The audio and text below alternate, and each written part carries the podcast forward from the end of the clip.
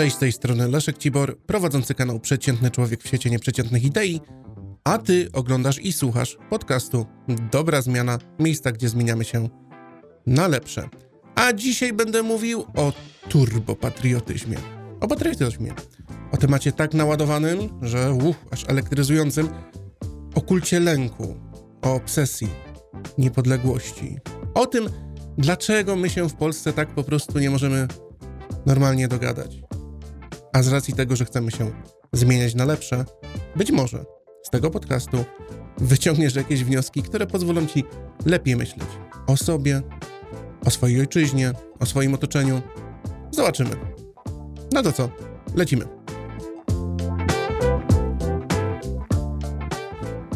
Oczywiście jestem też autorem książki i kursu Pożegnaj prokrastynację. Jeśli chcesz przestać odwlekać wszystko na później, zapoznaj się z linkiem w opisie do atrakcyjnej oferty. Ale dzisiaj, dzisiaj będę opierał cały swój podcast na kanwie książki, za którą jestem bardzo wdzięczny jej autorowi, Marcinowi Napiórkowskiemu, o właśnie tytule Turbopatriotyzm. Naprawdę nie mogłem znaleźć lepszego tytułu do dzisiejszego odcinka, dzisiejszego podcastu.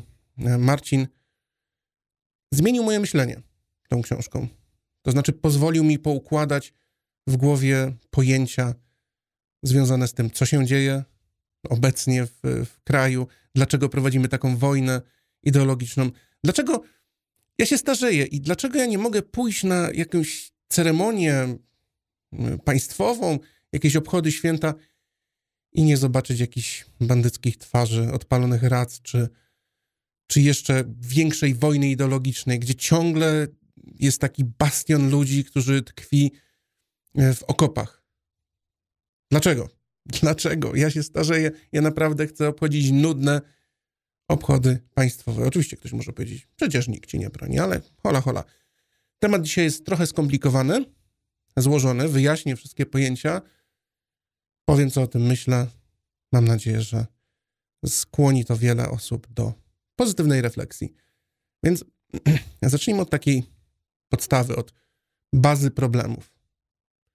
Od 2011 pojęcie patriotyzm zostało dość mocno zawłaszczone przez, no właśnie, ruchy narodowe, Marsz Niepodległości, który od 2011 regularnie się odbywa.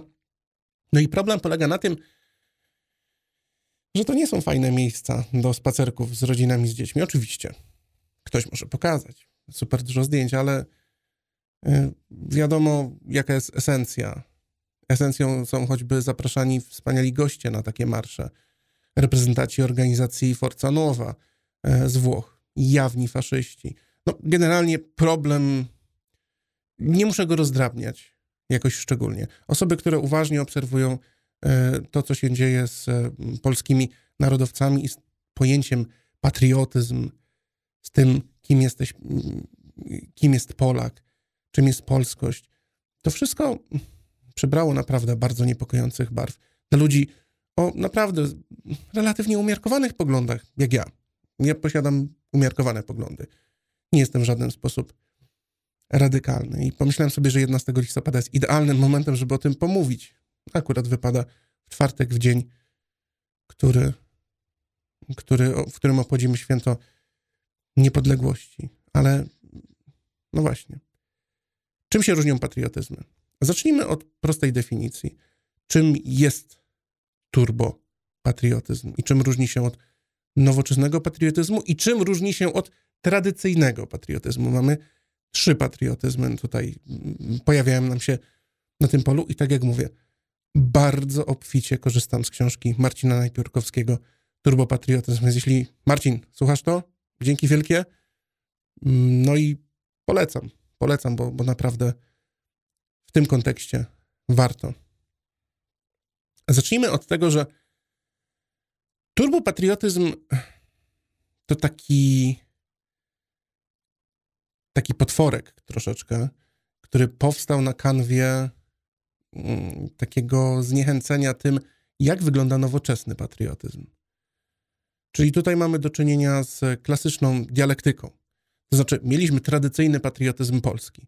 I tradycyjny patriotyzm polski oczywiście przykładał y, spore akcenty do wartości, do pewnych dat historycznych, do pewnych symboli, do pewnych, mm, pewnych postaci, no ale po transformacji w latach 90. w Polsce zaczął pojawiać się nowoczesny patriotyzm, na który niestety Polska jako kraj była znacznie spóźniona i została mocno zaskoczona, że kraje Zachodu już ten nowoczesny patriotyzm, który objawia się w takiej obywatelskości, tak to można określić.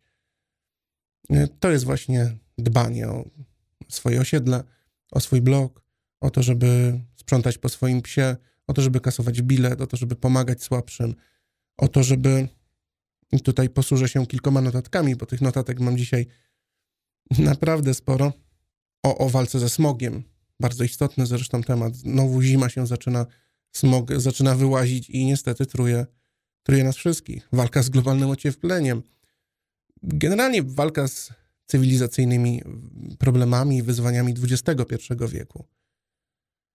Więc można zadać sobie pytanie, z czego składa się Polska? Czy Polska składa się z powstania warszawskiego, z żołnierzy wyklętych, z Westerplatte, z Bitwy Warszawskiej, z Dywizjonu 303, z represji komunistycznych i wszystkich resentymentów związanych z przeszłością i przeżywaniem tej przeszłości? Czy Polska właśnie składa się z naszego trawnika, z naszych sąsiadów, y, z naszego najbliższego otoczenia, z ciebie samego, czyli z twojego dobra, dobrostanu psychicznego, z tego, jak utrzymujesz relacje ze swoją żoną, z mężem, jakie utrzymujesz relacje ze swoim dzieckiem, e, jak je edukujesz, jak tworzysz swoją małą rzeczywistość, małą ojczyznę. Pamiętacie? Jeśli macie tyle lat, co ja, to na pewno będziecie pamiętać o tym, że były takie programy o małych ojczyznach, że tworzyło się małe ojczyzny. No więc to jest elementarna dyskusja. Czy Polska jest złożona z tych wszystkich bitew, wielkich symboli, żołnierzy wyklętych, tej przeszłości, czy jednak z takiej obywatelskiej troski o przyszłość. I tutaj jest ta kanwa, jest ta różnica pomiędzy nowoczesnym patriotyzmem, a odpowiedzią na ten nowoczesny patriotyzm, czyli bardzo ostre chwycenie się tych wszystkich elementów. Bo tradycyjny polski patriotyzm, on nie, nie, nie chwytał się tak do bólu tych symboli powstania, Westerplatte i tak dalej. Oczywiście one były obecne jako symbole, jako wartości, Natomiast nigdy nie było w nim obsesji o, na temat niepodległości i nie było takiego kultu lęku, tego, że żyło się w lęku. Nie, nie było takiego religijnego wyznania, takiej formy kultu. I mam nadzieję, że, że dla słuchających ten kontrast jest tutaj bardzo wyraźny. No bo co wkurza współczesnych nacjonalistów, narodowców, w takim nowoczesnym patriotyzmie, w takim obywatelskim podejściu. Ano wkurza to, że w tym obywatelskim podejściu podskórnie jest y, podszyta pewna pogarda.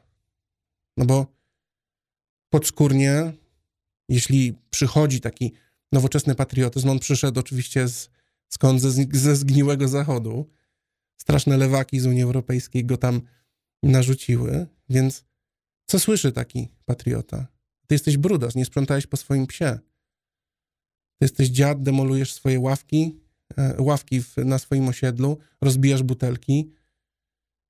Musisz, musisz się trochę doprowadzić do porządku. Osoba taka słyszy język wyższości, to, że ktoś nim gardzi. Jest to pewna pułapka. Nie możesz jeździć na gapę, no bo jesteś gapowy, jesteś złodziej, okradasz skarb państwa, tak? z podatków.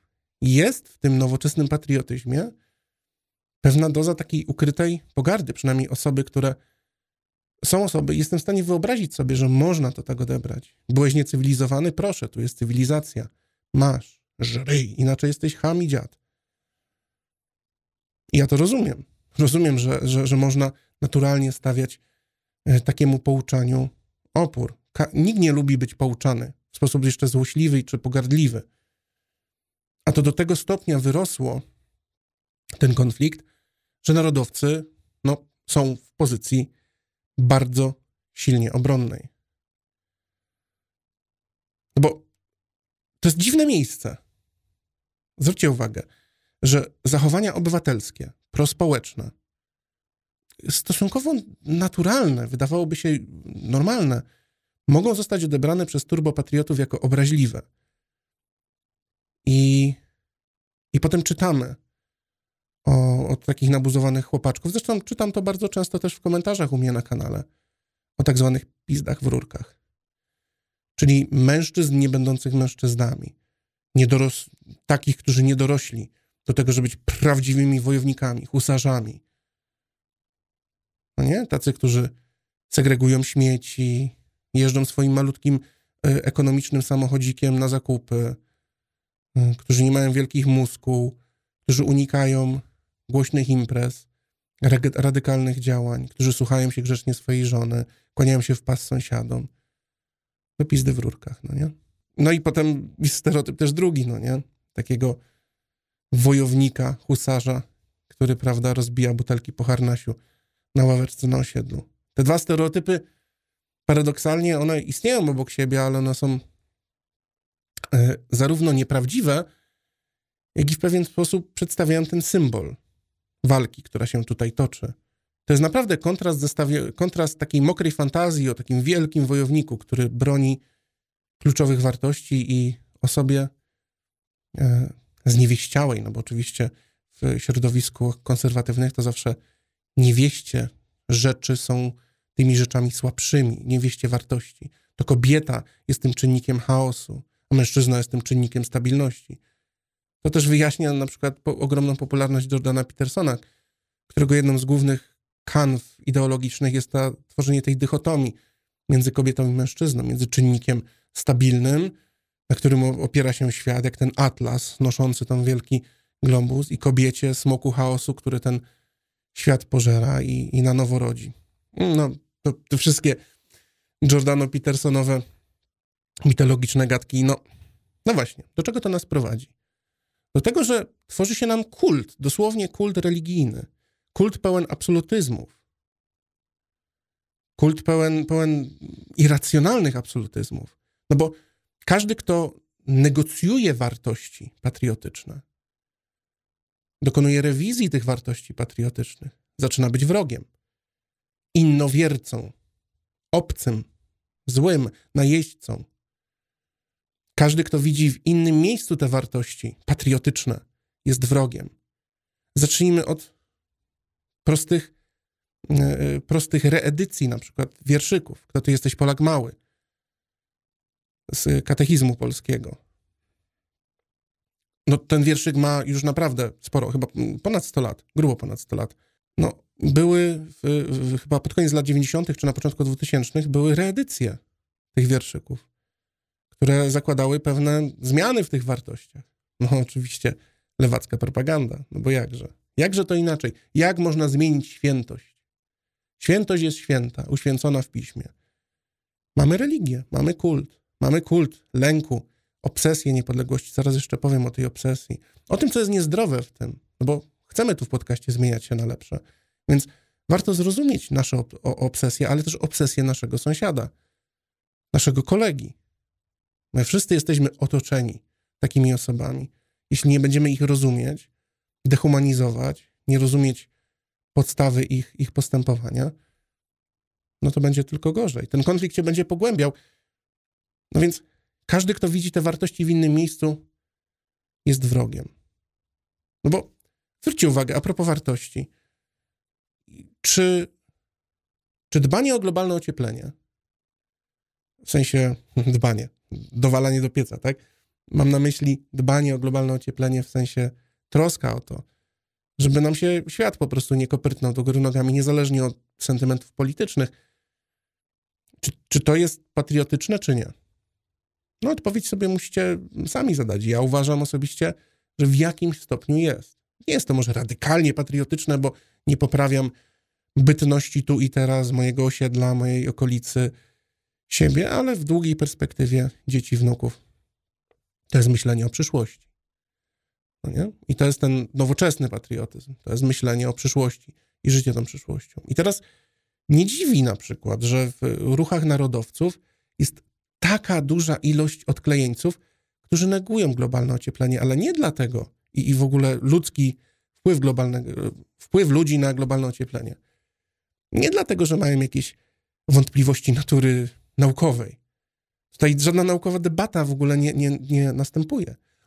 Tylko dlatego, że narzuciły to kraje z zewnątrz, kraje Zachodu. Narzuciły ten, ten sposób myślenia, sposób postępowania.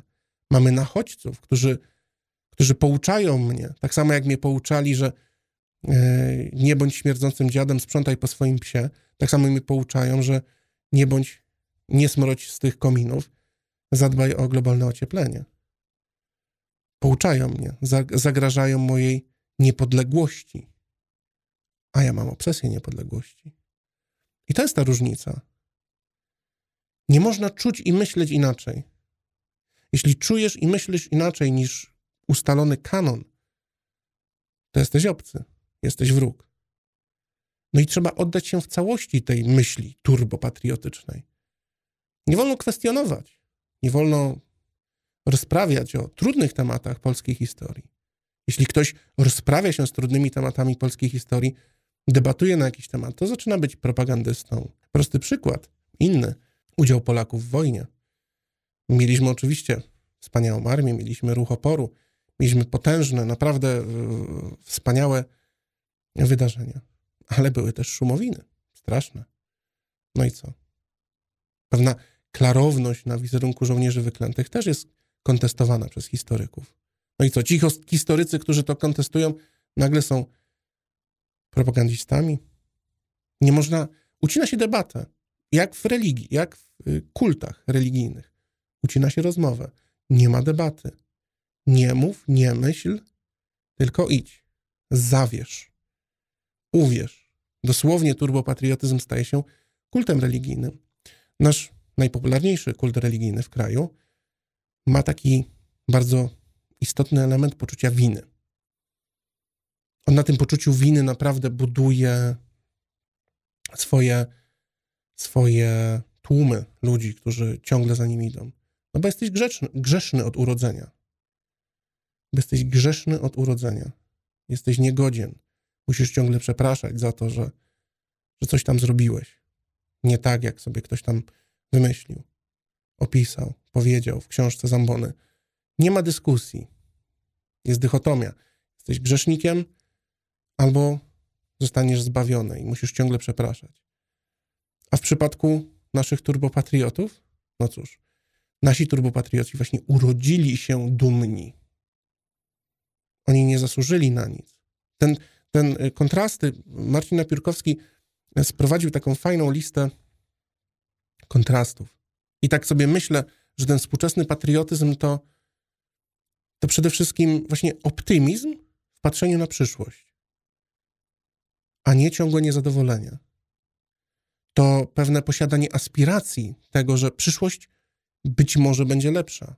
Poczucie takiej sprawczości, poczucie tego, że jestem tu i teraz, w jakiś stopniu odpowiedzialny, a nie bycie dumnym ciągle z przeszłości i przeżywanie tej przeszłości i wypinanie piersi do kolejnego orderu, bo mi się należy. Nie.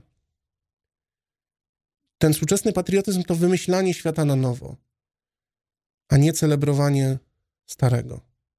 No i współczesny patriotyzm to taka otwartość na nowość, pewien, pewien rodzaj kosmopolityzmu, a nie poczucie oblężenia i lęk przed wrogiem. Zacytuję wam Napiórkowskiego, przeczytam wam fragment o obsesji i, po, i pom chcę pomówić o obsesji, bo ta obsesja jest bardzo niezdrowa. Obsesja niepodległości czyni nas ślepym, także na własną historię. Tysiąclecie polskich dziejów opowiadamy tak, jakby to była wyłącznie historia walki o niepodległość i tracenie jej. Nie dostrzegamy różnicy między państwem Mieszka, Jagiełły, Rzeczpospolitą obojga narodów i współczesną Polską. To przecież tylko kolejne odsłony odwiecznego starcia między Polską i niepolską. Gdy czytamy o Kościuszce, widzimy jedynie bohatera walki z zaborcami, ale już nie genialnego inżyniera z czasów amerykańskiej wojny o niepodległość, zwolennika zniesienia pańszczyzny i wyzwolenia chłopów, czy, ja tutaj dodaję osobiście, radykalnego krytyka Kościoła. Wracając do Napiórkowskiego, Bo historia opowiedziana za pomocą innego klucza, globalnego, płciowego, klasowego, wieloetnicznego, tylko by nam zaciemniła obraz. Stąd problem, jaki mamy z mówieniem o dziejach kobiet, Żydów czy chłopów. Książka pełna jest tego typu naprawdę fajnych, fajnych nawiązań, podsumowań. Ale zwróćcie uwagę, że współcześni turbopatrioci, i uwaga, tutaj rzucam bardzo twardą tezę, oni nie kochają Polski. Oni mają obsesję na punkcie niepodległości. Jaka jest różnica? No bo jeśli żywimy miłość do czegoś, to mamy pewne poczucie zaborczości. To znaczy, że chcemy to dla siebie. Chcemy jak najwięcej tego dla siebie. Jeśli żywimy miłość do żony, do męża, no to chcemy go dla siebie. Nie chcemy za bardzo się nim dzielić. No, no więc, ale ta zaborczość jest zdrowa. W dobrym, zdrowym związku ona ma pewne granice. I one są szanowane. A obsesja to złamanie wszelkich granic. Ta zaborczość to jest taki patologiczny rozmiar tego, te, tego. To już nie jest miłość. Nie ma tam miejsca na miłość. Jest to właśnie szereg takich lęków o zdradzie, o krzywdzie, która jest potencjalna i może się wydarzyć. I nagle stajemy się obsesyjnie, maniakalnie, ciągle śledzeni przez kogoś, kto może nas zdradzić, oszukać, okłamać, ukraść nam to. I tutaj pojawia się kolejna taka w tej całej obsesji e, sytuacja, że ci ludzie żyją w zagrożeniu, ciągłym zagrożeniu, jak na szpilkach i nie mogą tego zagrożenia nigdzie wyładować. Wróćmy do tego mm, schematu mężczyzny, tego stabilnego, tego, tej, tej ostoi wartości i tej matki chaotycznej, nowoczesnej. I turbopatriotyzm można by było tak opisać, że ci turbopatrioci czują się właśnie tak, takimi mężczyznami, silnymi obrońcami wartości i znaleźli dziecko zaniedbane przez tą matkę, bo niestety, ale nasza Polska faktycznie zaniedbała temat patriotyzmu. Odstawiła go na bok. Te reedycje patriotyzmu pokazywane, choćby tutaj Napierkowski posługuje się tym symbolicznym czekoladowym orłem e, Bronisława Komorowskiego, który zorganizował sobie na 11 listopada alternatywny marsz. ten czekoladowy orzeł był po prostu kiczowy, był taki to tak jak hymn śpiewany, śpiewany przez Górniakową. Nie wiem, czy ktoś z was pamięta. Był mecz, e, było to na meczu polskiej reprezentacji i Górniakowa po prostu dała taki pokaz swojej reedycji hymnu, że uszy puchły. No straszne to było. No to było to, to faktycznie to było tragiczne. No to było kiczowe, tandetne, do bani. Po prostu było pewną potwarzą do faktycznie, do faktycznie wartości, które, które mieliśmy. Więc to nie jest tak, że Polska nie jest winna zaniedbaniu. No więc jest to biedne dziecko zaniedbane i ten mężczyzna zazdrośnie to dziecko tej kobiecie zabrał i teraz jej nie odda. A ta nowoczesna, chaotyczna kobieta, nazwijmy ją Julka Lewaczka z Europy, nagle przychodzi i chce ten patriotyzm z powrotem temu, temu dzielnemu husarzowi odebrać. Prawda, że tworzy się z tego piękna mitologia, piękna historia. Że ten dzielny husarz broni tego dziecka własnej piersi, wyhodował go na własnej piersi i ta y, chaotyczna lewaczka próbuje mu, próbuje mu to odebrać. Prawda, piękna mitologia. To jest obsesja niepodległością. Obsesja ta prowadzi do manii prześladowczych, do pozycji agresywnej, do życia w ciągłej twierdzy, oblężonej twierdzy. I ci ludzie żyją w oblężonej twierdzy. Autentycznie. Ta obsesja jest też wielostronna. To nie jest tak, że turbopatriota traktuje z podejrzliwością tylko rzeczy, które przychodzą z Zachodu. Traktuje z podejrzliwością wszystkich, swoje państwo również. Dlatego takie rzeczy się dzieją 11 listopada. Działy się przez, przez lata. Mam nadzieję, że w końcu ustaną. Mam nadzieję, że w końcu doczekam się nudnych obchodów państwowych. Jestem już za stary na takie, takie harce. A może nie jestem za stary ale na pewno nie mam do tego nerwów. I jedną rzecz trzeba temu turbopatriotyzmowi e, zdecydowanie oddać. On często podaje dobre diagnozy. Często w pochodach tych nacjonalistów, narodowców, e, ludzi z tendencjami faszystowskimi, bo tak to trzeba określić, bo to są ludzie, którzy faktycznie nawołują do, do agresji, eksterminacji innych grup, e, do wykluczenia. Ale maszerują tam często ludzie, którzy są wykluczeni, i głos nigdy nie jest słyszany. To są ludzie czasem z prowincji, są ludzie, którzy ugrzęźli w bardzo trudnych zawodach, w miejscach, gdzie nie mają szans na podwyżkę. Są, są kopani przez życie. Bez wątpienia. I są niezadowoleni. I często mają dobre diagnozy, że właśnie są silne nierówności społeczne, że wielkie korporacje faktycznie zaduszają lokalne małe biznesy. To są słuszne diagnozy, ale rozwiązania, które oni proponują, są już radykalnie niewłaściwe. Bo te rozwiązania, które proponują narodowcy, one do takich dwóch kategorii się, się wplatają. Do takiego rytualnego przepędzania lewaków, dosłownie rytualnego przepędzania lewaków i widzenia ich oczywiście wszędzie, i do żądania samosądów. Czyli do żądania tego, żeby się państwo odchrzaniło, czyli takie, takiej postawy turbolibertariańskiej, żeby państwo się odchrzaniło, że my weźmiemy sprawę w swoje ręce, bo my jesteśmy dumnym narodem polskim i my sobie to wszystko zarządzimy po swojemu. Nikt nam nie będzie mówił, co mamy robić. Nawet państwo. Nie? My, ludzie. I to jest kult bycia nieszczęśliwym. Bo oba te rozwiązania są dziwne, symboliczne, religijne w pewnym sensie. To też taka postawa, że nawet jeśli jesteś winny, zwróćcie uwagę, to jest taka postawa, że nawet jak jesteś winny czegoś, coś schrzeniłeś, to nigdy nie przepraszaj. Nigdy nie przepraszaj. Bo to wszyscy czekają tylko po to, żeby cię upokorzyć. Wszyscy czekają na to, żeby ciebie upokorzyć. Ciebie, turbopatriotę. Ciebie, prawdziwego Polaka. Oni wszyscy chcą, żebyś się upokorzył, a ty się nie ukorzysz. Ty jesteś dumny. I tak ta kołowa logika się kręci. To jest przykre. Ja jestem osobą, która dalej nosi w sobie, mimo coraz trudniejszych czasów, pewien optymizm dotyczący przyszłości. Tego, jak to będzie w przyszłości wyglądało.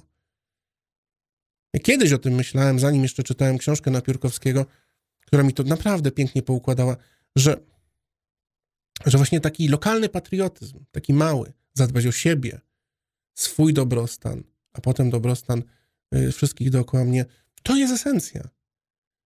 Przecież prawdziwe jest powiedzenie z wychowania, z wychowania dzieci, że szczęśliwi rodzice tworzą szczęśliwe dziecko.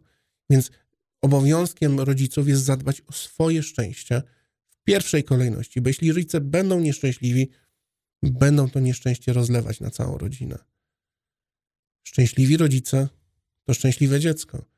Więc jeśli zadbasz o siebie, zwróć, zwróć na to uwagę, zadbasz o siebie, zadbasz o swoje otoczenie, będziesz dbać realnie o siebie, nie wiem, masz problemy psychiczne, pójdziesz do psychologa, do psychiatry, w końcu się zapiszesz do lekarza, jak masz jakieś zwykłe problemy zdrowotne, zadbasz o nie, spróbujesz o nie zadbać, spróbujesz być lepszym człowiekiem, będziesz lepszym pracownikiem, będziesz lepiej pracował, lepiej przysłużysz się y, swojemu otoczeniu, będziesz pomagał słabszym, ludziom, którzy są wykluczeni, ludziom, którzy naprawdę potrzebują e, wsparcia, to już jesteś patriotą. To już jesteś patriotą. Nieważne, czy, czy, czy wolisz śpiewać sobie e, Odę do radości, czy Mazurek Dąbrowskiego, to nie ma znaczenia. To może mieć jedynie znaczenie symboliczne, rytualne. Ale ma znaczenie, co robisz tu i teraz.